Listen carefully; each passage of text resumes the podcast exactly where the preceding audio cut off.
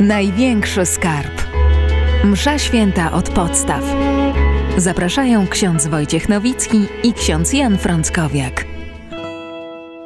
Wspomnieliśmy ostatnio o tabernakulum. E, zapowiedziałem, że powiemy też o adoracji Najświętszego Sakramentu, ale zanim do tego dojdziemy, to jeszcze warto byłoby powiedzieć, jak właściwie powinno być zbudowane e, tabernakulum, bo jednak, e, jakby nie patrzeć, jest to najcenniejsze miejsce w kościele, w którym jest e, obecny realnie, prawdziwie, substancjalnie powiemy za świętym Tomaszem Jezus Chrystus. Ksiądz Jan Frąckowiak zaraz nam to wszystko wyjaśni. Ksiądz Wojciech Nowicki przy mikrofonie. Szczęść Boże. Kłaniam się naszym słuchaczom także. Szczęść Boże. To jak z tym tabernakulum właściwie? Są jakieś normy? Mhm. Są normy, oczywiście, są, że oczywiście, są. że tak. E, oczywiście w historii, tak jak wspominaliśmy e, tydzień temu, jest e, bardzo wiele zwyczajów, praktyk i tak dalej. Natomiast dzisiaj Kościół mówi mniej więcej tyle, że musi to być miejsce mocne, bezpieczne i godne, a przy tym dobrze też widziane i powinno być jedno w kościele. Dawniej w starszych kościołach, jakichś wielkich bazylikach zdarzało się, że tabernakulów było więcej, natomiast dzisiaj koncentrujemy się jednym, na jednym punkcie, więc właśnie tak to od strony formalnej wygląda. Tabernakulum zwykle powinno być metalowe, albo przynajmniej jakąś metalową obudowę, tą skrzynię wewnętrzną, taką oczywiście na zewnątrz może być jakieś zdobienie, E, na przykład drewniane. E, ważne jest też to, że drzwi powinny być e, takie solidne, na klucz oczywiście. Mm, no i wskazane jest, żeby były przynajmniej trzy bolce, które przekluczają, które zamykają tabernakulum od boku, od góry i od dołu. Ten klucz od tabernakulum także nie powinien być przechowywany gdziekolwiek, ale jego miejscem jest najlepiej safe. E, kiedy nie, nie, jest używany w czasie liturgii, musi być e, ukryty w bezpiecznym miejscu, żeby nikt e, nie sprofanował tego największego skarbu, tak jak właśnie mówimy, który Kościół posiada, bo nie mamy większego skarbu niż Eucharystia, czyli realnie obecny Jezus Chrystus. W dużych kościołach możliwe są też jakieś kaplice Najświętszego Sakramentu czy kaplice adoracji. W naszej archidiecezji poznańskiej mamy takie zjawisko już od jakiegoś czasu, że powstają w różnych miejscowościach, w różnych świątyniach kaplice adoracji całodziennej. To są bardzo takie e, piękne e, zwyczaje i piękne praktyki, kiedy wspólnota parafialna odkrywa w swoich sercach e, pragnienie adorowania Najświętszego Sakramentu i razem z księdzem proboszczem zastanawia się, jak można temu pragnieniu uczynić zadość i często kończy się to właśnie jakąś piękną kaplicą. W samym Poznaniu mamy kilka takich miejsc, ale także w innych miejscowościach poza Poznaniem też są takie właśnie kaplice. One zwykle działają w ciągu dnia od tej ostatniej mszy do południowej czy porannej do tej mszy wieczornej. Mm, czasami e, może u nas mniej, ale gdzie niegdzie, e, na przykład na zachodzie, można spotkać takie kaplice, w których adoracja toczy się całą dobę. Mm, kiedyś miałem okazję czasami zaglądać do takiej bardzo starożytnej bazyliki w Rzymie świętej Anastazji i tam proszę sobie wyobrazić, jest kaplica adoracji 24 godziny na dobę, 7 dni w tygodniu. Kiedyś miałem okazję przechodzić tamtędy o dość nietypowej porze, bo to gdzieś było między trzecią czy czwartą nad ranem. E, wszedłem tam do, tej, e, do, do tego miejsca adoracji. Proszę sobie wyobrazić, że tam całkiem spora grupa ludzi adorowała. Ludzi, którzy mieli rozpisane dyżury i na każdą godzinę w tygodniu ktoś zawsze był. E, także kiedy Y, wspólnota parafialna decyduje się na taką właśnie kaplicę, to ważne jest nie tylko, żeby odpowiednio wszystko zorganizować, zabezpieczyć, ale także, żeby zawsze ktoś był, żeby Pan Jezus nie był sam. Y, kiedyś jeszcze w starszej liturgii był taki, może dla nas mało zrozumiały zwyczaj, y, że odprawiano mszę świętą w obecności Najświętszego Sakramentu, czyli na ołtarzu był wystawiony Najświętszy Sakrament w monstrancji, a równocześnie toczyła się msza święta. Taką mszę nazywano Missa Coram Sanctissimo, czyli msza wobec Najświętszego Sakramentu i zwykle odprawiano ją w czwartki, dziękując Panu Jezusowi za to, że zechciał z nami zostać. W Poznaniu ten zwyczaj e, utrzymywał się dość długo, bo już po reformie jakiś czas. A mianowicie w dzień uroczystość Bożego Ciała, kiedy jeszcze jakieś 20 lat temu procesja wyruszała z katedry i kończyła się uroczystą mszą świętą na Starym Rynku. I tam zwykle właśnie nawiązując do tych starych tradycji, w czasie tej mszy świętej Najświętszy Sakrament był wystawiony. Dzisiaj mamy to troszeczkę inaczej i tak bardziej poprawnie od strony teologiczno-liturgicznej, ale warto wiedzieć, że jeszcze niedawno taki zwyczaj był. Dzisiaj się podkreśla, że na początku mszy nie powinno być Najświętszego Sakramentu na tym ołtarzu, na którym Eucharystię sprawujemy, bo Pan Jezus dopiero w czasie tej mszy świętej do nas pod postacią chleba i wina przyjdzie. A to zanim może jeszcze y, dwa słowa o tym właściwie czym jest adoracja Najświętszego Sakramentu i, i, po co y, w kościele no, łacińskim, bo przecież na wschodzie aż takiej praktyki adoracji nie ma. To jest coś bardzo typowego dla kościoła zachodniego. Y, to powiedzmy jeszcze, zajrzyjmy do tego tabernakulum, skoro już go opisaliśmy, jak jest zbudowany, no bo tam przechowujemy Najświętszy Sakrament także do wystawienia mhm. w takich specjalnych też naczyniach, to może je też wyjaśnimy powiedzmy, ludzie znają pewnie gdzieś z widoku, ale może powiedzmy, jak to się nazywa. Mhm. Tak, no myślę, że wszyscy y, znają to największe naczynie liturgiczne, które zazwyczaj używane jest podczas adoracji, czyli monstrancję. Monstrancja ma też inną nazwę ostensorium i oba, oba, te, oba te pojęcia wywodzą się od łacińskich słów, które oznaczają pokazywanie czegoś, wystawianie na widok publiczny. Rzeczywiście monstrancja skąd ona się wzięła? Otóż e, gdzieś mniej więcej w XIII-XIV wieku, kiedy rozwinęła się praktyka e, wpatrywania się w Jezusa Eucharystycznego, czyli tego, co dzisiaj nazywamy adoracją, zastanawiano się, e, jakim naczyniem się posłużyć, żeby wszyscy jak najwyraźniej hostię mogli zobaczyć. Więc zaczęto od tego, że nie posługiwano się żadnym naczyniem, tylko rękoma kapłana, ponieważ w czasie mszy świętej ksiądz podnosił e, Najświętszy Sakrament, e, hostię po e, konsekracji. Zaraz na bardzo długi moment. To nie jest tak jak dzisiaj, gdzie kapłan po wypowiedzeniu słów przeistoczenia podnosi na kilka sekund najpierw konsekrowaną hostię, potem kielich z konsekrowanym winem ale podnosił na długie minuty. E, dziś ze średniowiecza e, są takie zapiski, które świadczą o tym, że proszę sobie wyobrazić, na przykład uczniowie z okolicznych szkół, kiedy słyszeli dzwony oznaczające, że właśnie to takie podniesienie następuje w sąsiednim kościele, to potrafili uciekać z lekcji, co na pewno im się bardzo podobało, ale miało też taki wymiar pobożności, e, po to, żeby podbiec do kościoła i przez chwilę popatrzeć na Najświętszy Sakrament. Ludzie, którzy w okolicach przechodzili e, gdzieś przy kościołach, od razu też e, właśnie biegli do kościoła, żeby patrzeć na hostię. Pojawiło się więc takie zjawisko e, oglądania hostii. Więc do tego były potrzebne ręce kapłana.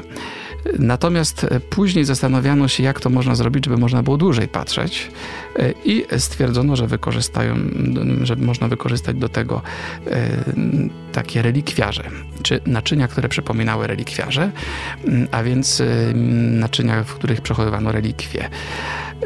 I tam wkładano zamiast relikwii po prostu konsekrowaną hostię. Z czasem e, z tych relikwiarzy wykształciło się naczynie, które znamy dzisiaj dobrze, czyli nasza monstrancja. E, monstrancja ma kilka takich elementów. E, zbudowana jest właściwie z trzech takich podstawowych części. Stoi na takiej podstawie stopie. Potem jest nóżka, przy czym ta nóżka, nie wiem czy nasi słuchacze zauważyli, ale jak będą kiedyś w kościele na adoracji, to mogą zwrócić uwagę, ma zawsze mniej więcej w połowie coś, co tak fachowo nazywa się nodus, czyli z łacińskiego taki węzeł, supeł, takie zgrubienie, ponieważ kiedy kapłan podniesie tę monstrancję, będzie błogosławił albo będzie ją niósł w procesji, to ten nodus podtrzymuje całą tę monstrancję w jego rękach, tak żeby się nie wysmykiwała, mówiąc kolokwialnie Natomiast ta główna część e, nosi taką piękną nazwę Gloria, e, czyli inaczej e, chwała, byśmy powiedzieli. Ta główna część, ona też ewoluowała, miała różne kształty, w różny sposób się prezentowała. Mm, na początku były to takie jakby wieżyczki, które, w których znajdował się taki cylinder szklany i w tym cylindrze umieszczano hostię. Potem właśnie te monstrancje przypominały troszeczkę style architektoniczne, właśnie były monstrancje gotyckie, e, które przypominały nieco fasadę kościoła albo nawet takiej strzelistej e, katedry z różnymi wieżyczkami, ozdobami, figurkami, rzeźbami itd. Tak e, ale najbardziej takie znane i piękne monstrancje to są monstrancje barokowe, e, które tę glorię miały w kształcie słońca. I z tych właśnie barokowych monstrancji wyewoluowały te najbardziej nam znane, proste, dość dzisiejsze monstrancje, które skupiają nasz wzrok na hostii też poprzez promienie przypominające słońce. Warto może też wiedzieć, że w Poznaniu mamy jedną z najstarszych e, w Polsce monstrancji, jeśli nie najstarszą, e, a mianowicie monstrancję, e, która została ofiarowana Poznaniowi, a dokładniej Sanktuarium Bożego Ciała przez króla Władysława Jagiełę. Ta monstrancja została zrobiona gdzieś około 1400 roku i e, Władysław Jagiełło, kiedy mm, tutaj kiedyś w Poznaniu w początkach XV wieku się pojawił, to tę monstrancję e, krótko po bitwie pod Grunwaldem naszemu miastu ofiarował i czasami w wielkich procesjach miejskich można tę monstrancję zobaczyć. E, tak było, zdaje się, w minionym roku, kiedy ksiądz arcybiskup w procesji miejskiej właśnie tę monstrancję niósł. Na co dzień można ją zobaczyć w naszym Muzeum Archidiecezjalnym razem z kilkoma innymi niezwykle pięknymi monstrancjami. My w Polsce jesteśmy przyzwyczajeni do takich e, hmm, można powiedzieć, małych monstrancji, które da się postawić na ołtarz, ale e, gdybyśmy popatrzyli na przykład na tradycję hiszpańską, e, tam -hmm. bywają potężne monstrancje, które e, wiele osób, jeśli tak można powiedzieć, pcha, bo to jest na kółkach, potężna, rozbudowana monstrancja i są wielkie tradycje właśnie też procesji, więc kiedy mówimy też o Najświętszym Sakramencie, to trudno też i od tego tematu procesji uciec. Oczywiście.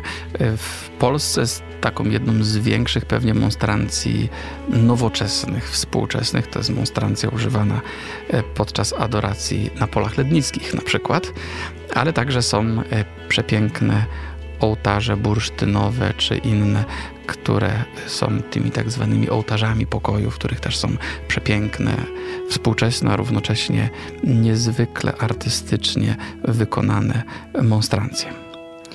To kiedy. A jeszcze o tych naczyniach, bo tak, jest, tak może... powiedzieliśmy monstrancja, to jest jedno, ale y, jeszcze jest naczynie, w którym y, właśnie tak, taki przypominający trochę półksiężyc, w której jest włożona mhm. hostia. Tak jest. No właśnie, pewnie nasi y, słuchacze przede wszystkim kojarzą demonstracje, kiedy y, sami są w kościele na jakimś nabożeństwie różańcowym czy jakimś innym, y, albo na adoracji Najświętszego Sakramentu po prostu, ale ten Najświętszy Sakrament jakoś się pojawia i jest przechowywany na, na, co dzień właśnie ta hostia przechowywana jest w tabernakulum w takim małym naczynku, które nazywa się kustodią. Kustodia to jest tak, taka byśmy powiedzieli maluteńka monstrancja, tylko bez tych wszystkich zdobień i promieni. E, sama nazwa custodia to jest od e, łacińskiego custodire, czyli strzec. Ona strzeże Najświętszego Sakramentu wtedy, kiedy nikt na nie patrzy.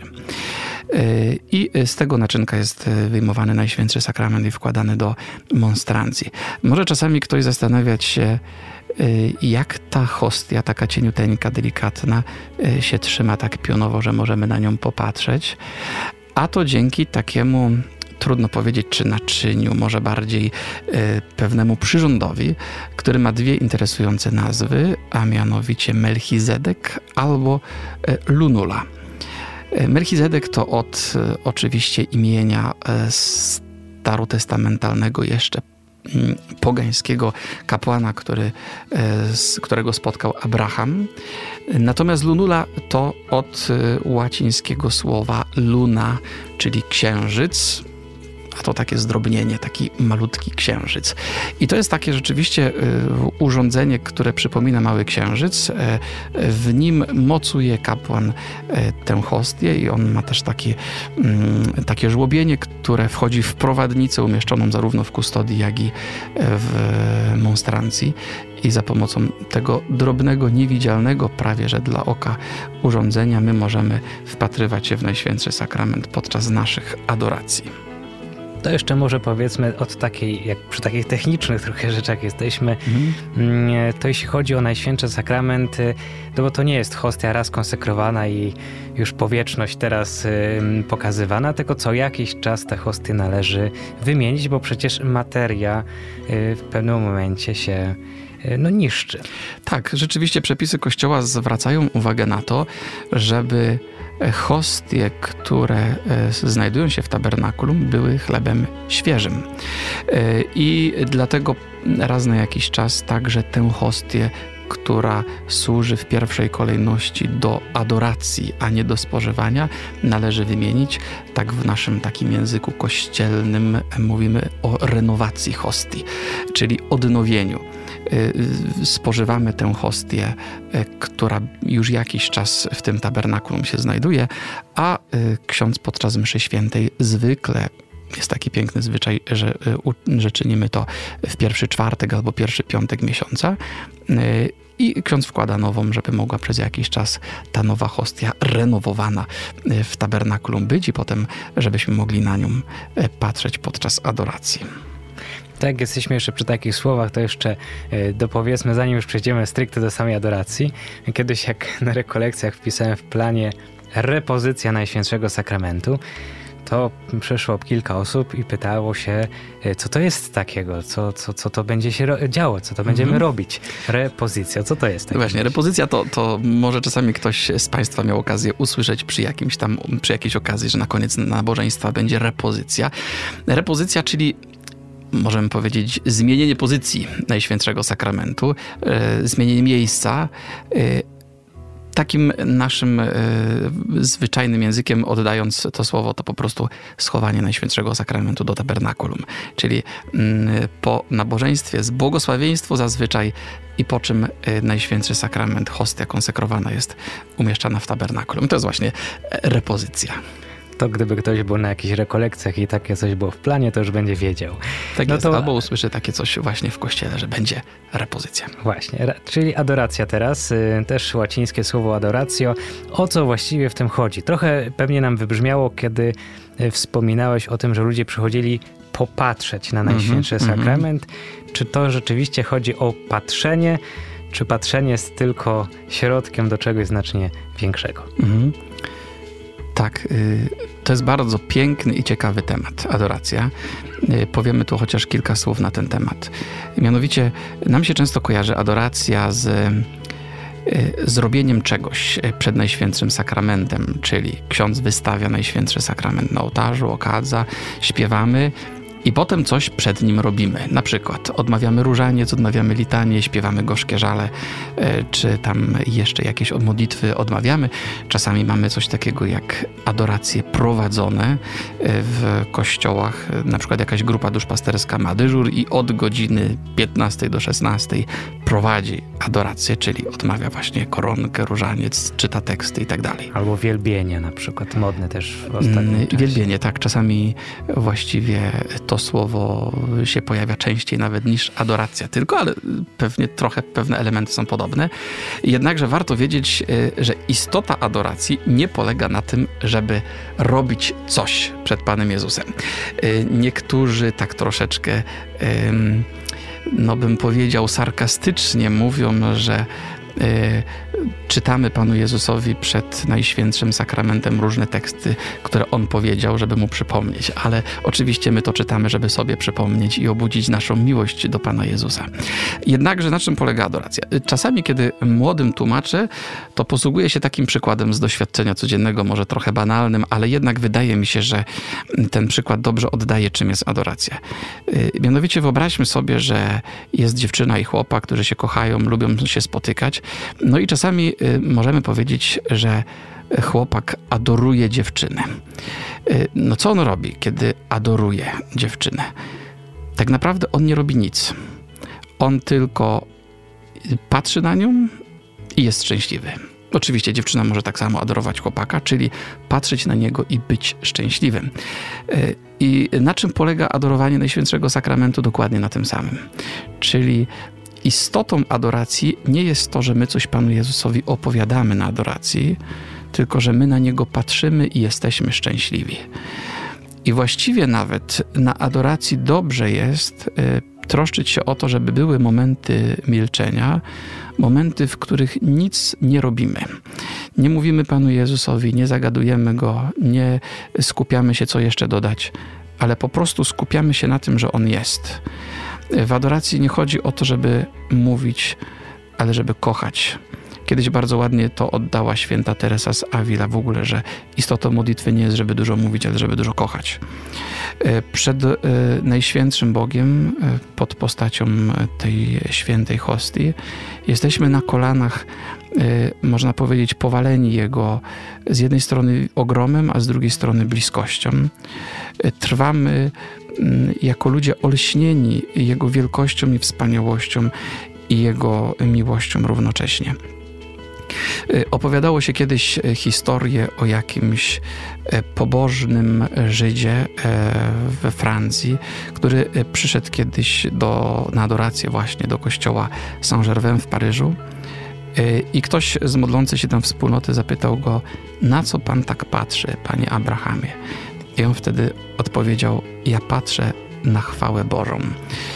Właśnie adoracja to jest takie w cudzysłowie marnowanie czasu na to, żeby nic nie robić, tylko patrzeć na Niego. Y, kaznodzieje lubią opowiadać taką historię, która miała się przytrafić y, świętemu Janowi Wianej, y, który kiedyś przechodząc koło swojego kościoła, widział, że tam są, stoją oparte takie widły. No przechodzi raz, widły są, przechodzi drugi raz, znowu są, przechodzi trzeci raz, znowu są, więc wszedł zobaczyć, kto to tam te widły zostawia i zobaczył, że tam po prostu jest jeden ze swoich jeden z jego parafian, który, jakiś, jakiś pan, który, rolnik, chłop, który wracał z pola, który klęczał przed tabernakulum i nie robił nic. I wtedy y, święty Jan Wianej miał zapytać tego swojego parafianina, co ty tutaj robisz? On miał mu odpowiedzieć, ja nie robię tu nic. Ja patrzę na niego, a on patrzy na mnie. Y, to jest właśnie istota adoracji. Patrzenie, Mm, lubię tak sobie powtarzać, że adoracja to jest taka modlitwa, gdzie łaska wchodzi przez oczy. E, oczy są bardzo ważnym kanałem nie tylko poznania świata, ale także otrzymywania Bożej łaski. To jest przepiękna modlitwa. E, czasami niektórzy myślą, że w adoracji chodzi o to, żeby coś czuć. E, no, moje takie osobiste doświadczenie jest takie, że kiedy się modlę na adoracji, to czasami coś czuję, czasami nie. Czasami czuję zmęczenie, na przykład to, że się chce spać. I, albo że, że człowiek by chciał już wyjść, bo jeszcze mu się coś przypomniało, że ma do zrobienia. Ale w takich chwilach to mądrzy mistrzowie życia duchowego mówią, że po prostu trzeba się mocno trzymać ławki, żeby nie wyjść. A czasami y, czuję y, no na przykład takie uspokojenie, ukojenie, gdzie człowiek jest zestresowany, nie wiem, tysiącem różnych spraw i problemów i przychodzi na adorację po to, żeby nie robić nic przed Panem i rzeczywiście taki Boży spokój e, przychodzi. Ale w adoracji nie chodzi o to, żeby dobrze się czuć. E, w adoracji e, chodzi o to, żeby być skoncentrowanym na nim, albo nawet jak jest problem ze skoncentrowaniem, żeby po prostu go kochać. Bardzo mi się podoba takie zdanie, które kiedyś powiedział nasz ksiądz arcybiskup podczas jednego z kazań bo powiedział, że my musimy znajdować czas na adorację po to, żeby go tracić dla tego, którego miłujemy. I że nawet gdybyśmy podczas adoracji się nudzili, to dobrze wiedzieć, że On jest szczęśliwy, On, czyli Jezus Eucharystyczny, nawet wtedy, kiedy my nic nie możemy Mu ofiarować poza naszą obecnością. I właśnie y, na adoracji o to chodzi. My tam jesteśmy i On tam jest. I nawet jak my nie czujemy się jakoś, nie wiem, pięknie i wzniośle, to jednak mamy świadomość płynącą z wiary, że On jest szczęśliwy, nawet wtedy, kiedy nie możemy Mu nic ofiarować poza naszą obecnością. Pamiętam, y, kiedyś byłem jako student jeszcze dziennikarstwa y, na rekolekcjach u Dominikanów, które prowadził biskup Edward Tajczak. Pamiętam, że użył takiego określenia, ono może się wydawać bardzo mocne, porównania, które się może wydać bardzo mocne, ale mówi tak, no, głównie byli ludzie młodzi. Mhm. Mówi, dzisiaj bardzo dużo czasu tracimy patrząc y, w telewizor, w ekran monitora. Może dzisiaj byśmy jeszcze dodali smartfona. Zdecydowanie. A on mówi, no właśnie, mówi, a warto e, wyłączyć pilotem e, ten telewizor, a popatrzeć w inny telewizor. Bo mówi tabernakulum, jak się na niego popatrzy, to on trochę przypomina taki telewizor, ale ma znacznie, znacznie większą moc oddziaływania e, i uczy nas zupełnie czegoś innego. Więc mm mówi, zamiast tracić nieraz czas patrząc na telewizor, może warto przejść i popatrzeć na tabernakulum, zupełnie inny telewizor.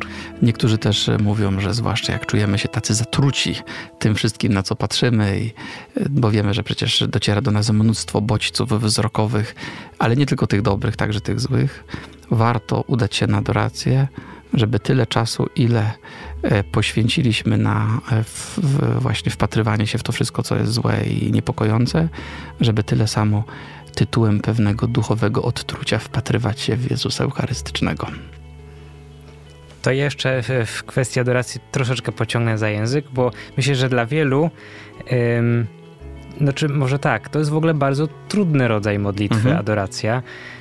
Ym, I wiele osób, kiedy idzie na adorację, to właśnie y, jakby ma tą trudność, że mm, trochę nie bardzo wie właśnie co robić. No trochę powiedziałeś, mhm, że mhm. właśnie mamy nic nie robić ale, ale też ludzie się spotykają e, z takim kłębiącymi się myślami różnymi, nie? No bo kiedy się człowiek zaczyna wyciszać przed Najświętszym Sakramentem, to wszystko to, co jest w nim, no zaczyna gdzieś tam dochodzić. Teraz co robić przed tym Najświętszym Sakramentem? Czy teraz te myśli, mam się skupić na tym, żeby te myśli odpychać? Czy mhm. mamy tym myślom pozwolić jakby się, nie wiem, przetoczyć przez tą głowę? No właśnie jak, trochę to może to jest pytanie o taką już teraz technikę modlitwy adoracji, ale może warto, żebyśmy Chociaż tak w dwóch słowach o tym powiedzieli. Mhm. Myślę, że to jest bardzo ciekawy, ciekawy problem, y, który jest troszeczkę szerszy, dlatego że proszę zobaczyć, Myślę, że jednym z naszych problemów dotyczących w ogóle modlitwy jest problem skupienia i tych myśli, które nam do głowy wchodzą. Y, I pewnie czasami mamy wyrzuty sumienia z tego, że nie jesteśmy skupieni, albo że te myśli są jakieś takie, a nie inne. Ale myśli to jeszcze nie wszystko, dlatego że e, my może nawet spowiadamy się z tego, że myśli mamy jakieś uciekające gdzieś w czasie modlitwy, ale na przykład nie zwracamy uwagi na samą naszą obecność, nie wiem, na to, jakie postawy przyjmujemy, na pobożność naszych gestów, czynów, a to jest tak samo ważne jak to, co się dzieje w głowie.